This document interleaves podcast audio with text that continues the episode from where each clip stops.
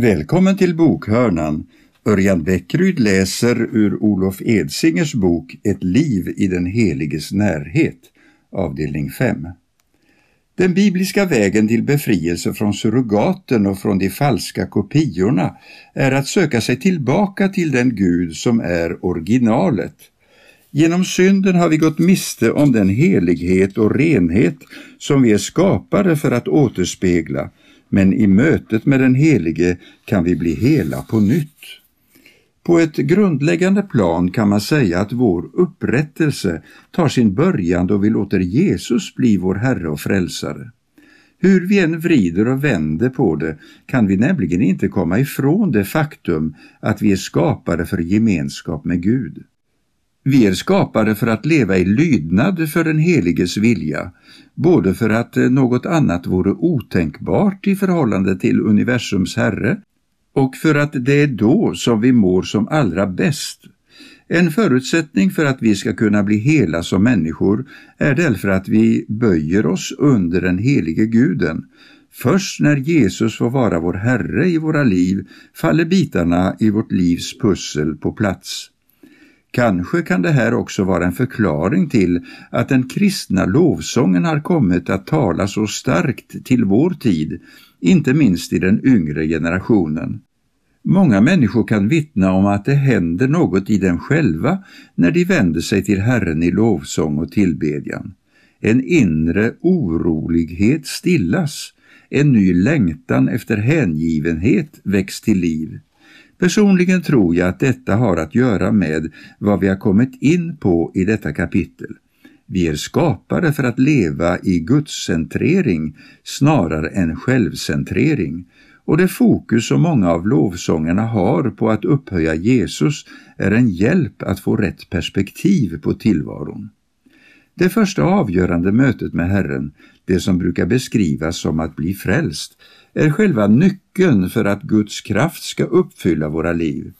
Men även sedan relationen till vår skapare har blivit upprättad finns det en hel del saker att upptäcka. Jag har själv varit med om när trasiga självbilder, själsliga sår och fysiska krämpor har blivit botade genom Guds kraft. Allt detta är aspekter av den upprättelse som kan följa av att Guds rike invaderar våra liv. Det rike som karaktäriseras av att Herren själv är kung, som Jesus uttrycker det när han vandrade här på jorden. Herrens ande är över mig, för han har smort mig till att förkunna glädjens budskap för de fattiga. Han har sänt mig att utropa frihet för de fångna och syn för de blinda, att ge förtryckta frihet och förkunna ett nådens år från Herren. Det helande och den upprättelse som hör samman med Guds rikes närvaro sträcker sig också ut till de gärningar som vi kristna har blivit kallade att utföra för Gud, det som med ett bibliskt uttryck brukar kallas för helgelsen. Och även om jag ska ägna betydligt mer utrymme åt detta framöver vill jag redan nu säga något kort om denna sida av det kristna livet. Jag tror nämligen att en av de mest allvarliga missuppfattningar som vi kan ha i frågan om helgelsen är att man kan sätta likhetstecken mellan att vara helgad och att göra gott. Alltså att vi betraktar helgelsen som vilka goda gärningar som helst. Men när Guds ord talar om det heliga livet blir det tydligt att helgelsens frukt bara kan växa till i den heliges närhet. Eller som man också skulle kunna uttrycka det hela, helgelsen är Guds gärningar genom oss, inte våra gärningar för Gud. När vi fortsätter att fördjupa oss i detta tema hoppas jag därför att det ska bli tydligt att det här inte är en bok om hur vi som kristna ska kunna uträtta mer för Gud. Istället är det en bok om hur Gud ska kunna uträtta mer genom oss. Det är en bok om hur vi lever i en trasig värld och som var och en har del i världens bortvändhet från sin skapare kan bli förvandlade till ett liv efter Guds vilja. Ett tydligt sätt som detta budskap möter oss i Bibeln är när det talas om våra hjärtans renhet. alltså den inre eller moraliska renhet som är så central i det heliga livet. Den som vill leva i enlighet med Guds vilja står enligt Guds ord inför en betydligt större utmaning än att bara göra de rätta sakerna. Sann renhet måste nämligen ta sin början i våra hjärtan. Framför allt som skall bevaras må du bevara ditt hjärta, ty från det utgår livet, står det i Ordspråksboken. Och kung David ber i sin syndabekännelse i den 51 salmen Skapa i mig, Gud, ett rent hjärta och ge mig på nytt en frimodig ande. Bibelläsare har i alla tider förbryllats över utsagan om att David skulle varit en man efter Guds hjärta. Hur kan en man som begick så många allvarliga synder, däribland mord och äktenskapsbrott, få ett sådant omdöme i Guds ord? Svaret på detta tror jag står att finna i kung Davids inställning till Herren. Det är visserligen sant att David begick ett antal grova och oförsvarliga synder, men lika sant är att när Herren konfronterade honom med dessa tog han inte sitt handlande i försvar. Istället omvände han sig och bekände sin skuld. Och det är här som själva hemligheten ligger. David var en man efter Guds hjärta, inte för att han aldrig gjorde fel, utan för att han alltid gav Gud rätt när denne kallade honom till omvändelse. Även om det fanns brister i hans liv hade han en grundläggande ödmjukhet inför Herren och hans vilja, som han ber i sin syndabekännelse. Tvätta mig ren från min skuld, rena mig från min synd, för jag känner mina överträdelser och min synd är alltid inför mig. Mot dig, just mot dig, har jag syndat och gjort det som är ont i dina ögon. Därför har du rätt när du talar, du är ren när du dömer.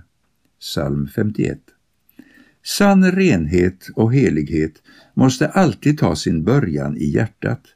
Det är därför som Herren har uppmanat oss att älska honom av hela vårt hjärta och av hela vår själ och all vår kraft. När vi gör detta kommer följden att bli att vi i allt högre grad börjar leva i enlighet med hans vilja och att vi, när vi trots allt faller, bekänner våra avsteg från hans vilja som synd. Sanningen i denna undervisning blev för första gången påtaglig för mig själv när jag som utbytesstudent fick ett omtumlande möte med den helige guden. Innan vi går vidare vill jag därför eh, få berätta om några saker som hände mig själv när jag var relativt ung, närmare bestämt 16 och 17 år gammal. Högstadiet var för mig en tid av stora förändringar. Från att ha varit en ganska tyst och tillbakadragen pojke började jag mer och mer att blomma ut som människa. Jag tog frimodigt för mig av livet och man skulle nog kunna säga att jag var en både stolt och kaxig tonåring. Eftersom jag hade saker att säga och dessutom var duktig på att uttrycka mig kom jag snart att hamna i händelsernas centrum. Jag blev helt enkelt ganska populär och jag drogs mer och mer in i en värld och de värderingar som mina icke-kristna vänner höll för självklara och sanna. En central del av mitt liv under denna period var att jag fick kontakt med delar av min personlighet som jag tidigare inte hade känt till. Ett led i detta var att jag började lyssna allt mer på musik. Under flera år lyssnade jag mer eller mindre maniskt på framförallt Beatles, men även på andra 60 och 70-talsband som Jimi Hendrix, Experience, Led Zeppelin och Pink Floyd. Förutom att jag älskade dessa gruppers musik blev jag mer och mer fascinerad av den attityd och det budskap som de förmedlade. Till exempel tyckte jag att det var häftigt när jag upptäckte droganspelningar i Beatles texter. Likadant reagerade jag på den promiskuitet som karaktäriserade band som Jimi Hendrix och Led Zeppelin.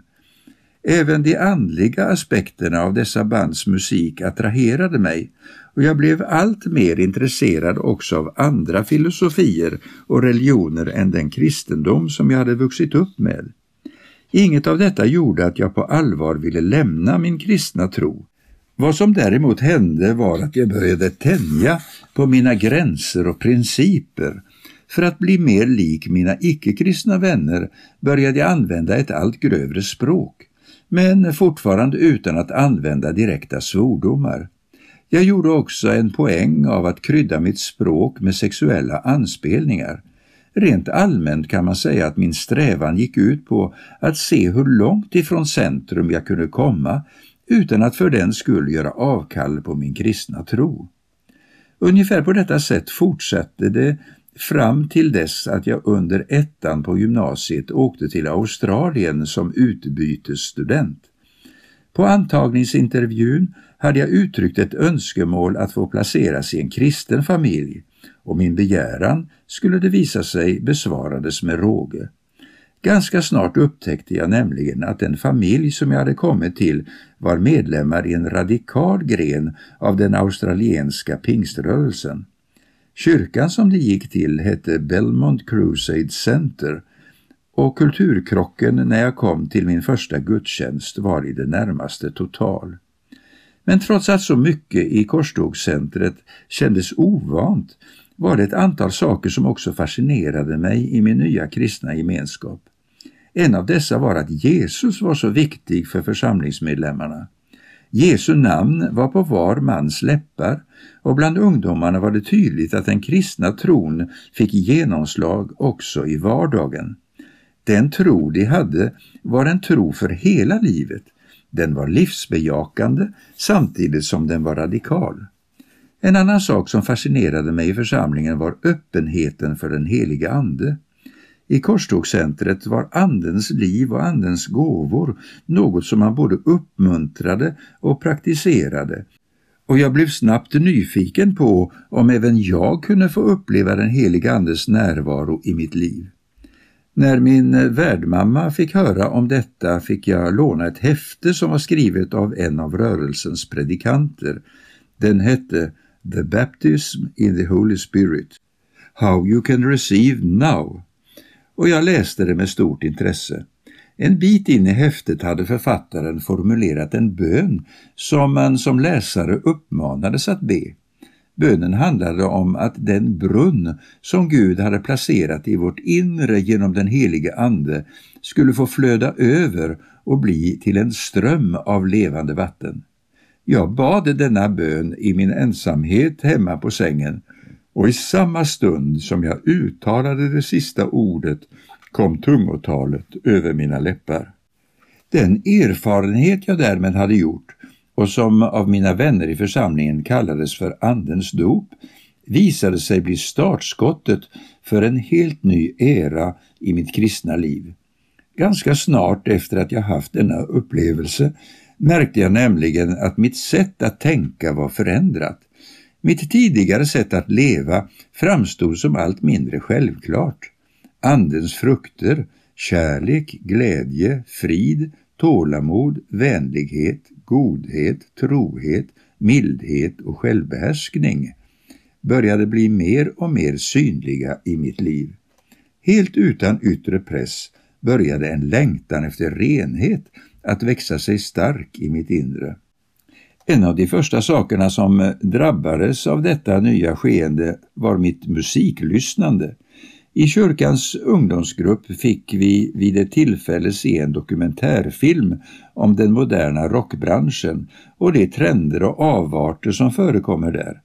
Till min förskräckelse upptäckte jag då att en stor del av de band jag brukade lyssna på var betydligt mer insyltade i tvivelaktigheter än jag tidigare hade velat intala mig. Mot bakgrund av vad Gud höll på att göra i mitt liv kändes det därför inte rimligt att fortsätta lyssna på dem och efter mycket vånda gjorde jag mig av med den musik som jag tidigare hade fyllt mina sinnen med. Detta beslut står jag fast vid än idag. Välkommen att senare lyssna till den sjätte avdelningen i uppläsningen av Olof Edsingers bok Ett liv i den heliges närhet.